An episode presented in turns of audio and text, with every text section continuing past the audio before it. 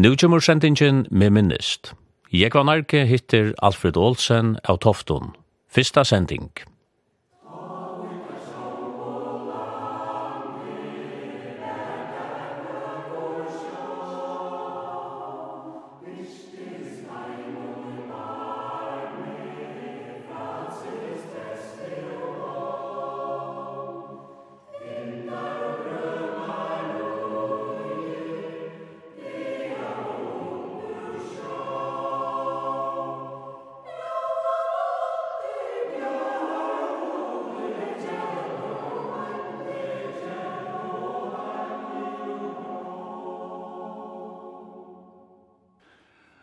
I dag heter vi Alfred Olsen av Tofton, som at nå nu hever kommuneskrivare her inne, og eisene har sitt i løktinge i negvar. Jeg har skilt av alene at det har vært gjørst nok snakk for eldre folk av Tofton. Ja, det må vi si at det har vært gjørst, og jeg halte det at årsøkjen årsaken fyrir du, det er de eldre selv. Og da jeg skal tåsa om de eldre, så kom vi ikkje at hosa om dei eldre som en eldre byr. Så det er som vismenner i det avvær kunne møter, men heldig tvørstre møt. at dei eldre er eit aktivt, eit livande aktivt i midten av. Og tar jeg ikke etter at hofton, så suttet jeg at innanfor arbeidslivet, så er de eldre øyla virkjen. De arbeider så langt som, som de orska og kom no, Men tog verre, så hever det allmenna lagt fotonglar fyrir deg så løys at de har sett eit inntøk og marsk og øysene møtrakning som vi fyrir at det ikkje arbeid så nek som det gjerne vil til gjørst. Og så hitt jeg etter uitrottarøkjennom, de eldre her, de sjålbøtna arbeid hei gjerra, mætgjering til tiltøk, køyring av sine uitrottarfolkene, og ta i basarar og futjarlier, to er de eldre og stovvold og hitje etter samkomme løyven, for eksempel kyrkjene. Her er de eldre øylavisjen, bare kåre og sjølvbåten arbeid, innanfor eh, misjonshuset, og i strandja kåren og fegjerringene, og alt det her, det gjør det at man får en sånn viring for de gamle. Og så ikke at tale om at eh, de eldre er et aktiv for familien her. Er dere til at negv av tofton ikkje hadde kunna haft bøtnen og i tøymen aktiviteten som de heva, utan det våre sier gamle som hjalte til. Så vi er ikke fyrir dem om eldre av tofton kjemer av tøymen sjolvon. Altså, de er utrolig av visjen, og hva kjemer så? Jo, men kjer nekka fyrir deg. Og det er det som vi sutja tofton. Så i neste kommune er det helt sikkert at vi kunne ikke være de eldre fyrir utan opplegget til disse velveldene alltid er, er en årsøk de eldre selv. Og her er det noen feløsten. Ja, ja, ja. Så er det de eldre selv, hva en bølge teier ui. Og her opplever vi at kvinnerne, de samlast, torsdag, mykje og høsta, i høden tja Vesterskinn, og at her er virknar, særlig innenfor binding, til dømes ta i i Blakrasheimi oppnei ut av godshuset i Anese, så buntu ter sonjatepper til ödle kømerne her ut. Ter binta til sjømaskvinneringen, og så øysene ta i i til dømes Navia, tekkvandlen her av Tofton, oppnei, så hadde det en veldig prosjekt som der bundu til i samband vi at Navia oppnei. Og her er det så her tushta, mikida og høsta, fra klokkan 3 til holkon seks. Og ter ordna alt sjálvar, og hava kaffe og te og kaker, åtta mikida. Ta hava det kaka. Ter snakka, tåsa saman, og så er der øysne som har spela korst, etla gjer oknanda. Så det er utrolig virknar, men av Vesterskyn, og i det til alt noen, her er det bare kvinner. Så det er synder oppbytt mellom kynene av toft. Av vestekynene, her er det kvinner som samlas og roa seg selv. Mennene er her at de møter. Tar jeg funnet seg et helt annet sted. Tørre finnes seg et underhus. Og det åpnet jo i 2012. Så det er vi visst nok så langt. Det er en godt holdt trus limer i underhusen som her mennene kommer sammen kvönda i viko utan sunnedag. Vi kommer saman klokkan 9 om morgenen til klokkan 11. Så er det en pausa, og så atter klokkan halv kontroi til klokkan 5 om ettermiddag. Pleier litja om 20-25 mans det, så er stjøksnitt. Det er nekre regler som er galtande. Underhuset skal være sosialt tiltak. Det vil sige, Det er ikke løyve å spille kost. Det er ikke løyve at uh, telva. Det vil si, her som menn samlas i en bølg. Nei, det skal være plass for i ødlom og i underhusen. Så er at uh, øysene er da ikke et emne man tykker opp, religion, etla politikk. Du vet, er imisker, og hava imiskar og skåne. Så det skal ikke være det som ei kjenner og i underhusen. Her etter møter er det øyelig donalige til å teke opp aktuelle emner. Det kan være en stor diskusjon om forskjellig. Aktuelle mål som er oppe i togene, hva det hender i kommunene, ofte er det sjømenn og sjøløyve som verer vidtjørst, skiparer, skip, og hva det hender tog og ta. Og nekver av sånne månene som er eldre. Til dømes er fløyre om halvfems år, anker er om for halvfems, som uh, samlas i underhusen, og tar minnes helt utrolig av alles. Jeg minnes eh, altså, den øyne av åkken, altså, han, han er som en leksikon. Minnes dato, minnes nøvn, og minnes hver det vore og alt det der, altså. Det er stuttlet å sitte og tjolka seg opp etter sin nye og så vita så holdt utrolig han ikke. Og alt som jeg kjenner øysene atmosfæren i underhusen, tid til at, at øyn kan gå av en frasøgn, og så kunne så her vimersingene komme. Og der kunne sitte holdt utrolig vel. Så det kan godt enda vi at vi sitter og kjettler latre, og etter det ser vimersingene som kom. Og det er nekka som eh, mer damer utrolig vel av Tofton. Det er nok så hittenåra i folk av Tofton, og jeg ble ofte sitera Mulla Jekvann.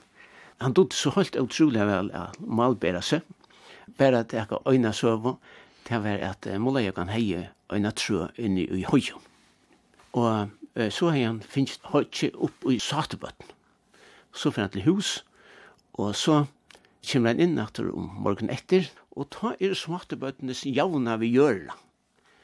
Og han får så uh, rysta det opp atur, og så kommer grannen til honom og sier til at uh, i natt, da var øyne stormor, at det la ut, ut et fjøren, og han er så slakta satebøtene ved hjørna. Det så rette måla jeg ganske opp, og så hikker han på hans og sier, «Si mer åkt, når utnæringere begynt å sparla.» Ta var det seier ikke av grannene som er ved satebøtene, sier han for fra dem og så er det vimersinger sitte utrolig vel, øysene i underhusen i det. Det doa utrolig vel. Atmosfæren i underhusen er utrolig god. Vi kom her klokka 9, og da kommer vi til dekka vår, altså til kjørs kaffe og te, og vi tar tansi, tar en fytler, så skal lavkaka av vår. Og tar vi det godt alt trusjmanns, så ligger det øyne om vikene. Og så ble jeg da grunn etter at det tar som etter mest lavkake, det tar som loja mest av sugesjukene. Men tar som gjør kaffe og te, tar av ordna seg og kjipa seg, og te gamle kipskokkar til dømes, eller tar som har vært kokkar ombord av kjipen, og te ordna pura seg selv. Da vi kommer morgenen så er det klart, da vi kommer ettermiddag så er det øysene klart. Så til vel kipa. Underhuset, det er gjør såleis at omframt at vi tåsa saman, diskuterer seg tingene, så byrja vi et kaur i underhusen, stått at han at det var byrja, og her er det så at uh, instrumentene til harmoniker, gittarer og mandolin. Det er en fast vending, øyna for vikna, vikene. Mike det fra 4 til 5. Og til ter vendingene, og ter har vært i ødel årene og til ter vendingene er vi cirka 25 mans. Da vi det sunnkje neka. Og så begynte ånder rundt i fyrjun som skulle fyrirskipa tiltøkken a senda bo etter månen og i underhusen.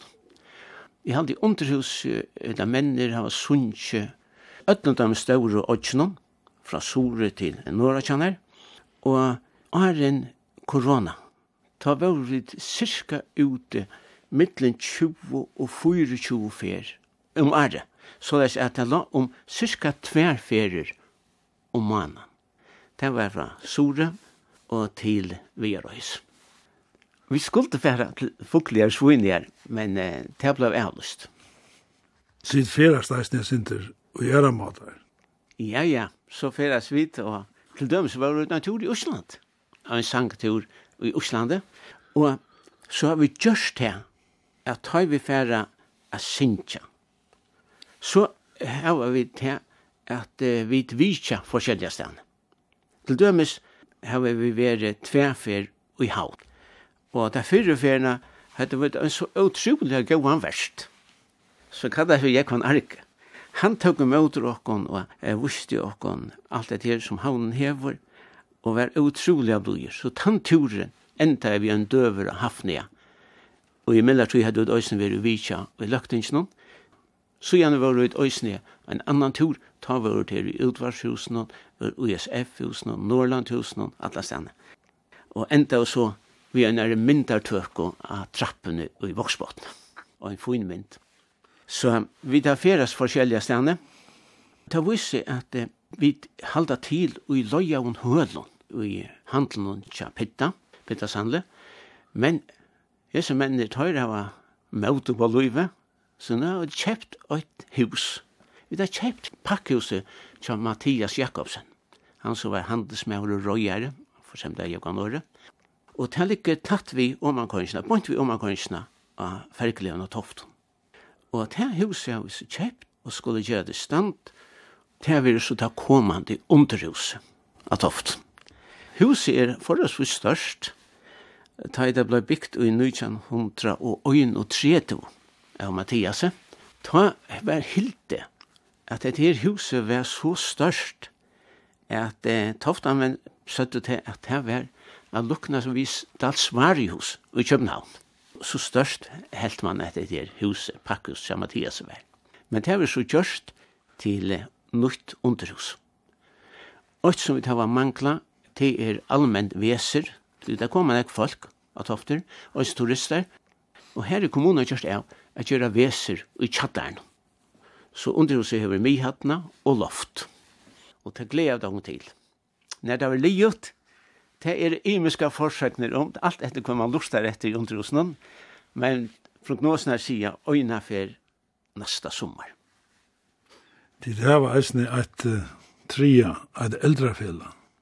Ja, eldrafela er blei sett av stån i september i 2015. Det fikk han er gode undertøkker. Eldrafela bryter er vi hine bæge, vi tar at her er det bægemannfolk og konefolk. Og vi tar en fina forskvinna, det første årene, Jansi Olsen, men årsak av 20 som måtte hun legge fra seg, så jeg har jeg vært formover. Eldrafelaget er viske og fyrskipar hona løter fyrir limenar. Og det kjera vi øyna for om mannen, bortsett fra sommare og så i desember. Vi halda fundnar til sommare, og oftane verer enda vi en utfyr. Ytla, for eksempel, har vi verer kvarjen åre vestri i Vavon av countryfestivalen. Countryfestivalen er fyrskipar øyna eldra samkom fyrir eldre folk eh, dagin fire som sjálf festivalen er. Her har så veri hverja fyr, og damar utrolig vel. Fyne tur. Ellers har vi veri turar, Arvi Kjeva som sommer, søgnast var vi vestri i Bø, var i kyrkjo, og så var vi i pakkhusen i Bø, og fink døvra, så var til Gasadals, og så enda vi til Krukshavnen. Så det er det som eldre felage kipa fire, og så har vi det tiltøk øyne fra måneden, og det er bare lokale krefter, så vart som gjør litt. Og her er det damene i tilhalden, det er så eldre damene, holdt utrolig donalige. Der er det røyne sjønløyger, så underhalde ofte det er utrolig godt, også lokalt, Så det er så lokale sketsjer som vi får levera fra tøym. Men altså, det du var helt utrolig av. Og uh, vi tar så okkara egna husorkester. Vi pleier at si at hvor skal man gløyma til gamla, altså det som er færre. Til dømes, for nekkon år så igjen, høyde vi et orkester. Ta i alle sier, bitlande kom fram og alt det der. Det kallas for Nesta Boys. Det kom jeg til at her vant du og jeg er noe neste her av tofta kjekk. Så sier jeg, ja, men hvor er ikke teka tar fram atter, altså? Lukka som frem fra glemselen. Det lukka eist, vi tatt oi funn musikk kvöld vi sanje fra tøymon. Tøy var lukka rasjer og donali som det var, tøy det var unger. Brinte tøy det var 14-15 år, eller 12, og nu er det eldre menn. Hva er dette for menn? Ja, han som kanskje er best kjent i middelfolk, det er Christian Andreasen advokateren og tinkemæren og dem. Så er Olavur Jensen, Atle Johansen og Dunga, Aksel Høygård som alle kjenner fra uidrotten, og det, det er den, den aldersgruppen som er. Og tar det og holdt det utrolig vel. Så vi talte til, let dere ikke fer i om ånd etter vattnet, men let dere bruka til krefter som er og øysen lokalt. Og i byrjan av 2021. Begynte tøyen til genga at drottningen skulle komme vidtja i fargen. Ta da løy nekka ut av vare koma søvra genga i underhusen at hofton, er sjolvande skulle drottningen komme av vidtja av Tofton. Jeg sier sambandsbygdene og Og jeg fikk nøkker skått og isne, selv om det skulle jo komme, jeg vet ikke okk. Men, ungen tror vi på det. Her var nekvar vi mersinger, selv om det skulle jo komme, men, altså, ungen tror vi på det. Men så begynte funter av hildner, mittlen nevntna og i underhusen, og legmaskrivstovene, ampas eh, fyrsittingsene, og politiet kom, og knappt enn det, så er det kjørst at drottningen Margrethe skal komme av vitja underhuset av toft. Og ta i tema stedfest, så var alle som øyn med over. Vi skulle gjøre høle i omtrusene så godt som gjør litt. Vi skulle ha fire øyne sanjen så godt som gjør litt. Så den dagen, da det var stedfest, ta var ønske måneder om mittlen sambandsmenn og løsningermenn. Det var en oppgave som vi alle åter å gå. Så får vi holdt vi at uh, gjøre det klart til å takke med drottningene. Vi hadde gjort av at vi skulle fortelle henne hva vi gjør det i omtrusene. Og jeg fikk det ærene at halde seg talene for drottningen. Det gjør det så, fyrrøyka meg vel, og tverferne så, så leie jeg seg talene som jeg skulle halta, fire månene i underhusen. Det var en sluttlig søv, altså, til at mennene i underhusen, tar vel det var allt möjligt vi oss. Sjølvand skulle det vi, og sjølvand skulle det vi och hatta måtte inte gleppe, och inte måtte omverast. Så det ble en øyla lenge tale som jeg så måtte redusere ned i henne 20 minutter. Ta i så drottene kjemur og vidt her og fyrir røyka i her. Jeg lærte jo akkurat i sangbonan og såret. Sunko fyrir henne, det ble kjørt utanfyrir. Og så kom hun inn i underhuset og ble vist rundt. Så skulle jeg halde seg her talene. Ta jeg fortalte henne at vi i underhusene, jeg sier nuttjo ærene vi hadde sunnje, hadde vært ute i hundra og holdt trus ferier, imsa stedene i fyrjen. Så hikker hun opp ham, jeg sier, her er vi rett på turné, og jeg sier, nei, men imisk tiltøk hadde sendt bo etter okken. Og til løtene kom jeg hoksa om at søvan, hun enderteks. Så jeg hoksa om at 5. juni i 1845 stendur ein tofta mever som er bosettur i Saltnese framme fyrir kongi Kristian i 8. og byr om trønna enn jeg grovastøyne som han arva festetru. Hentan det igjen, stand i ein tofta mever som bygg vi Saltnese i fyrir hennar og hatin med Grete drottning og fortelje henne hva det gonger fyrir seg i underhusen. en i nå, som var den første vitjan i en underhuset, var en sosé. Drottningen domte vel, Og, og et annet som vi øysene vuste av, til det at vi tar at han si av toftum. Hvis jo en familie fær tjei dronkjer, tjei fylkjande dronkjer, så skal han kjente være oppkallar etter konj. Og til vi først til at vi av toftum heva tvoi dronkjer som er oppkallar etter Kristian til Tutsjenda, som var konger i Danmark fra 1912 til 1924. Og jeg kunne godt sutja til bæja av henne og dem som fyllte vi, at jeg hugsa om hvordan større må nesa familien og toften være, så får tjei dronje fylltjant. Men eh, det var en så se, og en veldig oppleving for jeg knattler. Og her var ondje måneder, og var sambandsmøver eller løsningamøver. Vi var alle som øy med øymøver, for jeg takk med å drottne i snakk. Alfred, du er uh, føtter og oppvaksen av toften. Ja, jeg er toften med å borte av. Jeg er føtter oppe i en rekne. Onkel tog hever, tar man sitter løkning, så vil ofte han i akkur sagt spølne om en person. Og Hilma Jan, han er også for å underhalda, donalyr. Og så sier han at den nærmeste Alfred er kommet til vata slæno, til til at han er føtter oppe i rekne. Det er jo totalt avhalsmævr.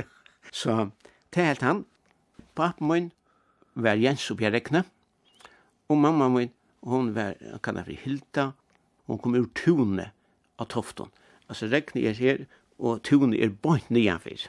Så at eh, jeg er røyner tofta med oss. Ikke ut i heion et linje regnet hans år. Mitt av tofton. Og hva betyr det til regnet? Ja, det er en verser at man hever tofter, og så er en, en hemar, så, så regn. Og her oppi, her var husene tja appa og var som pappa var født. Paven var eisne nevnt Jens Christian. Ja, ja han var kallad for Jens Christian etter Abba och Nina Rekne, men, men de flesta kjenner han som Jens upp i Rekne, som eh, fäcks vi i mist, og jeg vet ikke om jeg kan si det at eh, papi han var sjømauer, han var skipare, og feks vi skip, til dømes røg han ut og så var han ein av dem som kjøpte eller var vitla kjeipa Kongsavn, sunne tui. Men så blei han vrekra kontrollør. Og en vrekra kontrollør kunne ikke haft neka vi til som hei vi sjekkvinna kjer og kjipa kjer. Så han måtte kvitta vi alt det som hørte til sjekkvinn. Og han var bønte, vi tar ta en, en lutt lang seks av avseier, og den heien, han la bægi i husen, altså point om av husen i tjokken, og så høtte vi heian i Rytevik. Han tar av parsten av Rytevikene og i neven. Det var okkara, og det kom av tog at i 1906, ta kjørte Frure Petersen av presteren, at nøyeskæren, han skulle lettast ut til oppsida eller til, til bønder. Og ta var det Sunna torsetje og Abbe Jakob Jarekne, som finko kvørsina helt av nøyeskæren og han gæren, han var av Tofton, og så iver hantare parten i Rytevik og i Nevn. Han var løkningsmøver, Esten. Pape var løkningsmøver, ja. I Negvar, Luik Entland Øye i Trujetrush. Han eh, var løkningsmøver. Det var til togene ta i og flokkene stilla opp i nummerø, altså 8 og 2 og 3 Johan Poulsen av Stronten, han var ofte hans nummer 8, og så kom papus nummer 2. Da øyna velde var det til at papi han fikk fløyre etkvøver enn Johan Poulsen, men Johan Poulsen ble valtur. Og det kom øyne av tog at alle etkvøvene til flokken, der fotl til nummer 8. Så han var den sikre som ble valtur. Men eh, så fra under kronen og fram til 33 var papi lagt smaur. Han var også en skrivar i løgtingsen. Han døms dømes var løgtsmauer ta i krutje breit. Ta, ta fink døra vidt, han satt også i kommunene. Han var også kommune, byrås formauer, eller forstandarskapsformauer, som det kalles da. Og så fink døra vidt at jeg, at vi kom inn av Skalafjörn, Og vi kom inn av Tofter. Og til gjør som de vilja. Til å avvise okkon stø som vi kunde byggva i, alla tidlig, etla teka vita sjolvr. Og det gjørte så til at eh, papi og ærer fink til oppgave. Hver hus og hver høler kunne brukas til åndsmennar som kom. Til dømes handelen i øyron, han ble bruktur til åndsmennar, ta boa oppi av loften i øyren. En tru hus, livet tidsen, inn i rekne, og så av toften blev åkt hus brukt, og et annet var et tilhalssted til åndsmannen, og misjonshuset. Åndsmennene hilde til i misjonshuset, lykken til å finne seg barakkene her. Og så ut i Anese, her ble flere hus tidsen, og i øynene huset var det ødel kruksvaren. Og tar brukte seg her, åndsmennene seg, hør og stillvannet, så tar jeg tørr for, så måtte ødt gulvene skiftes ut av sin her husen. Det var så nekst lite var det, sier Arne. Men det er ikke funnet, og da i pappa så var i løgtingsen, så sett han her inn til tru og trus. Nek var. Men jeg legger mest til at eh, viringen, og det var nekka som pappa i øysene gikk vann at han var, nekka som leie ui okken, at vi skulle hava viring fire kvarjen ør. Så er at uh, viringen som pappa vuste tingmannen ur øren flokken, det var en lærdom for jokken, altså. Han gjør det ikke mona om det var en sambandsmaur eller en kjøvelsmaur. Så at uh, viringen fyrir kvarjen ør, hon var utrolig gav. Og tog jeg mest til ta i taftaskolen blei vuktur i 8-12 Så var alle som kom til mennene her, og det var javnarmenn, og det var kjøvelsmenn, det er sambandsmenn, rutsomboje, så var det ikke sjokken. Jeg legger mest til hvordan hyggeligt og hvordan godt har høtt det i samverd og vi kvann annan. Hvordan låtene var inne i stoven og sjokken den dagen. Holdt øyne standande. Det kom av til man hei viring fyrir kvarnår. Godkjente kvann annan. Ankt du var bo etter Jens og Regne? Ja. Eh, jeg minnes særlig ta i streikan vær, sjømanna streikan vær, og ta i hitje etter tølen og inntøkken til sjømannen og teatogina, så forstand de vel at ta streika. Hun var virkelig, virkelig vanalig og løytel inntøkken til sjømannen. Han fikk løyte på sjur. Så streika av der, og så gjør det at tinget skulle komme sammen. Det skulle lovkjøves minste løn til dømes, og tar vilde så at tingmennene skulle gå sammen. Og ta kom tar vi øyne kjipe av Tofta Kjekv, og tvær lastbilar kom vi falskje innan ur høyen. Her okkur var. Og så kom der nye regn. Og det fyllte alt rundan om huset til okkur, uppe av Vallan og i Tunen og alt det her. Og det var min første skoledag. Så han minnes det utrolig vel. Og tøyr høyde seg seg fire at de skulle få tingmennar, takk det de sjoer vi til havnar, så løs at tinget kunne komme sammen. Og tøyr sjøvde så inn i stovene og, og tinget oss i pappa, og pappa sier til jeg skal komme sjoer til havnar, hvis det tinget vil kalla sammen det var ikke alle som tro på at, at dette er helt. De ville heller var han så visser. Så så var det sikre på at han kom til havnet. Men ta er det Søren Heinesen, Søren Høkkeren, sier Victor. Hvis Jens sier at han kommer til havnet, så kommer han. Og til vi følte så til at han får av sted og papen var ikke vidt. Han sier, jeg kommer ikke vidt ikke, men vi er tinskje kallet sammen, så kom jeg. Så tar jeg for å steg etter, og pappa var etter til åkken. Så fer jeg i skolen. Da jeg så kom vi om han tofta tun, så er det en kona. Eldre kona, så spyr meg to, hva er det som hender oppi jeg rekne? Jeg sier, ta hvor den, jeg vet ikke hva det er, men det ser ut som at det er noe gjerrar fyr. Og det var det inntrykket som jeg fikk av ta jo disse her mennene stå her i, i, i gongene, ute i tunen. Utrolig alvorlig, og jeg forstand det vel. Det dreier seg om å gjøre bedre for sjømennene. Men eh, for meg så er det ut som å gjøre for. Men da jeg så kom etter ur skolan og nyan i tøvene, da møtte jeg mamma og pappa. Da var det solhavner. Og tinge kom så sammen dagen etter.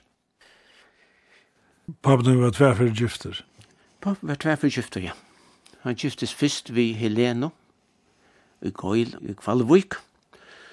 Og de fikk å trutja dronjer og tver kjent.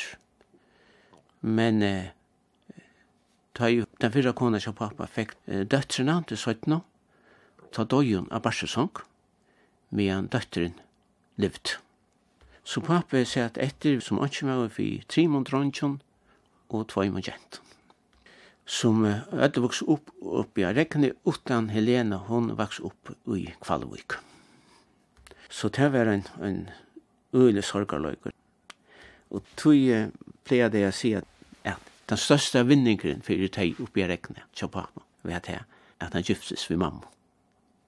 Hun var bare 22 år, og kom til et hus som hei, ja, tja pappa og trutje dronjer og en kjenta, altså fyra bøtten, så var om og appi inni her, og så var en maur som kallar vi Sofus, som bor her, og så var en kona som kallar vi Lotta, hon var en som var ærestande fra, men som appi hei tidsi til seg. Til ta var en annan stå. Ta tåg man folk til seg, de som høyde råd til at her var folk byggvant. Så det var fullt hus som kom til. Og hon er at? Hilda, Sven Hilda Hansen, hon var døtter Johannes i Tune, som var gifter vid Rekol. Hon var slekta, ja, av tippen hon Rytvik. Hon var øyne seg konan, eller øyne seg folk, neskommunen som er blivet hundra år. Mamma var altså ur Tune, av Toft. Du nevnte det at uh, du fått skola. Ja. Skolan domte meg utrolig vel. Jeg gikk i skola, i gamla skola, tann fra 1895 som heie som fyrsta lærere, ta gamla lærinta var fyrst her og så kom han sjakk og høykort tona skaldi og lærare og så kom eh, ta ever her ta var Johan Lamhauke fyrst lærare og så var det ære lærere her og isne det var två klasser det var bare tvær skola stov men de øyla velgeng skola og som var domte vel til å være råkna. råkne. Så domte meg ikke særligt at eh, ta man så konvojer og langre, så var det så at eh, det var ikke individuelt hva man gjør i skolan, hva man råkna i. Nærmengar er jo imisker, og som er vore i fyrsta døyle, er det kommet til annan døyl, og de som var grovast, de kom i tria døyl.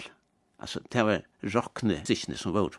Men søytene så ble det at ødt skulle fylkjast. Ødt ble sett samme bas.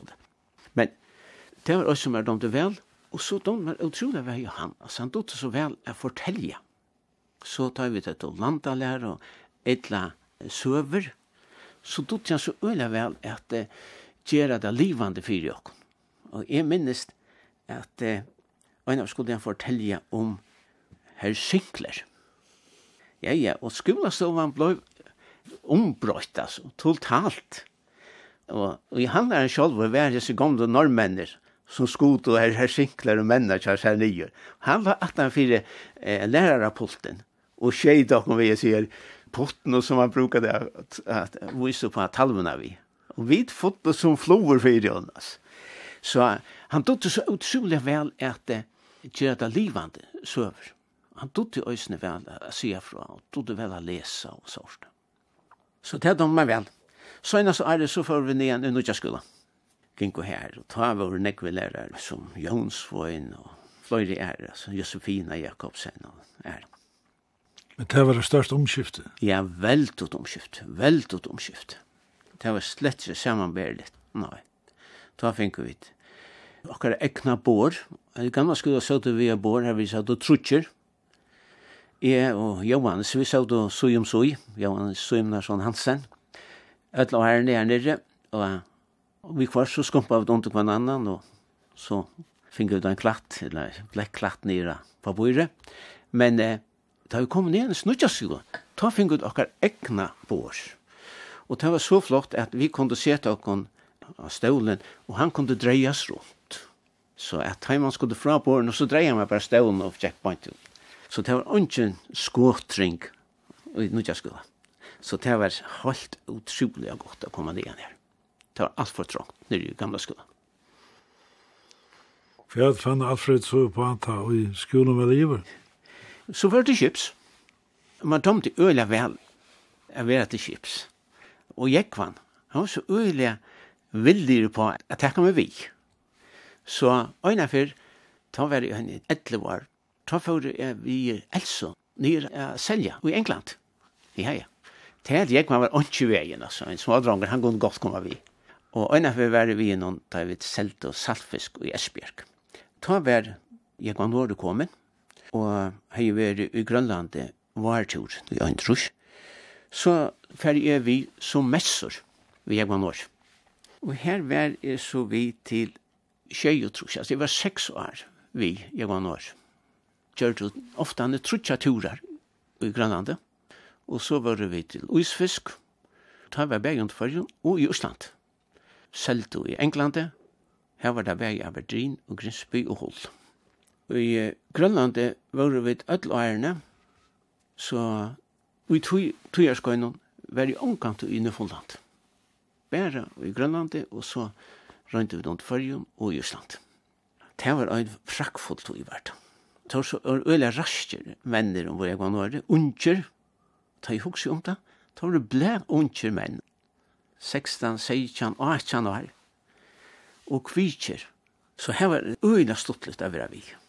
Vi var ofte i forenkanne, og vi var i Ødlom bojen i Vestergrønland, utan og Jakobshavn, i Lulesat. Her oppe var det omgant. Men eh, Ellers, utan bojen og i Grønland. Omkring var det fristaroje, som det var gale vi, som måtte ut inn til reparering. Ellers var det etter vattnet og sorgen.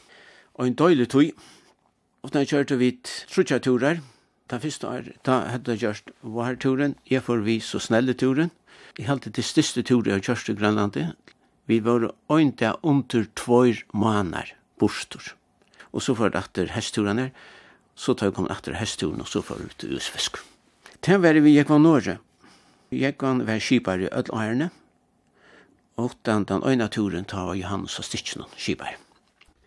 Da vi tar så om sjøløyve, så har vi en særlig hending, og særlig en dag i hovedet, som er alltid minnest, og det er den 22. november, og i 1933. Ta er vi vi går norr i Grønlandet, vi er hestturen, Johannes av Sitchen og Skibære, vi er nasta litne ved turen, og skulle gjøre klars til for høym. Så færre vi i Førenkanna, vi skulle takka salt, men skulle også takka vatten. Men her i Førenkanna var alt frist til ta, så vi fører nian i brunnen, vattenbrunnen i Førenkanna, rote hål av uisen, og så førte vi vi i tunnel, vattnet om til velferdhuset, Det var huset som normen hette her for en kanne. Og så fra velferdshusene og åman til Jeganåret førte vi det atter iver i tunner, og så kørte vi våkne åman. Og så støtte vi i vattankan ombord. Jeg pleier å si at det, at det er kaldaste dævor jeg har opplevd. Det var nekkfrost, og tann dagen finner vi det høyre og i togenten at John F. Kennedy, presidenten i Amerika, var skåten i Dallas i Texas det var et sjokk for jokken. Og så satt ni om det her igjen. Kjemur eh, svar om min debus, som var kokken ombord, og ber meg komme atter i kokkehus. Da jeg viser for her, så forteller han at vi da finner et telegram, og Johannes Kiparen har bygget med han for å ta seg med meg, og en rolig måte, og fortelle til at papen min er deg. Vi stod her etter kokkhusen, og vi gråd sammen, og jeg ble å si at jeg til kaldaste dagur jeg har opplevd. Jeg var bare 16 år, og mamma sett etter vi tre måneder kommer, så var det yngre enn jeg. Den yngste systeren var 6 år. Men mamma klarer det, og en holdt utrolig fantastisk kvinne var. Så det var en særlig oppleving, altså en negativ oppleving som jeg opplevde i kjølerne. Og i 8 trus, ta ferdig vi Paddel, Podl Per Regnila Podl Olsen, som er øyne av okkara donaligaste utrørmånen, til Ravnøytna vi Sjøgåta. Og det var en prakkfull tog. Det var en godt samstarv mellom skurene, til det var så ulen ekkur uiser da ære. Og så kvann sånne dag, så får vi til Gongo, til Sunnarhavn. Her var misjonæren av Øye. Og her var det tver, ja, tver kjenter, ur vavene. Sjukra syster, ver, kallar for Helena, hon blei forstandarinda fyrir etlesøymen i Mivai. Så var ein annor som hjalte til i køkken og sort. Det var øyne stolt å komme sånn her han. Det var en gangtur på en tøyma her dag, på en vei. Men så tar vi nesten i lyttner. Jeg halte det var tar gjort två turer aktana. Så kommer jeg var nåre til Grønlands, og han er ytla mannaur. Mangla folk. Så kommer jeg var inn i ravnøyden og jeg var nåre, og spyr om det er anker som kan komme vi. Han atla seg til Nøfollands, av Flemingskap. Og her får jeg og Potl, vi ombord av nåre, og Ravnøytene, direkte av Flemingskap, og Nøfolland. Og Og til øyneste turer i av være i Nifunland og Flemskap. Og vi var inne i øynafer, og det var Harbour Grace. Men det var en lenge turer for å stå om vare, og kom etter til Toftar luttla jævla aftan. Så det var nekve måneder bort. Hvis vi fer etter til Norra i havn og Ravnøytene, det var fullt av Toftamann. Ja, her var nekve Toftamann. Det var lukka som mest toftamenn og skåpningar. Og det var så øyelig godt samstarv i middelen seg her toftamennene og skåpningene. Den som var formauer fire økje, altså Norrar og Havn, det var skåpningeren som var på Ape Jansi. Han ordnet alt det vi kontrolløren og alt det der, men her er skåpningar røv ut, og det er det er vær ta fiskeimann og avrøyde feskanfisk. Det var bater som kom ur førenhavnet etter fisken om Ravnøyne. Åttan tvøyr bater tar salt av. Det var Johannes, Poulsen, alt det kalles, ur Skåpen, og Øste av Tofton, vi venn. Tar bajer, tar salt av. Atler ærer avrøyde feskanfisk. Og det gjør det til at Øste som hei skur vi syna av tjokken, at ta torv så var kommet til lands, og så måtte torv til flertja og salta. Men vi, vi hadde frui, vi hadde avrøyt feskan fisk, og så var livet tjokken. Det var en døylig tog, for det var en virkelig god form av at jeg var som bossformen. Og så var Jack Høygård, og så var Simon Hansen, Anese, og så jeg. og Jack stod 18-4, stod 18-4 huset, og Simon og jeg var fremme for huset. Amen.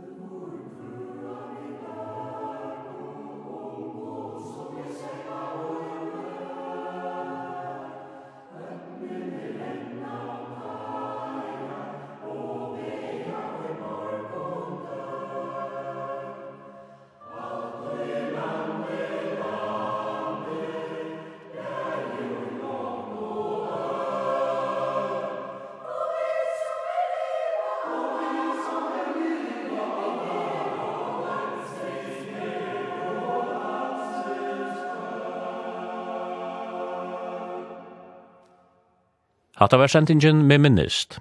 Jeg var narke hitte fyrvirrande løktingsmannen Alfred Olsen av Tofton. Fyrsta sending.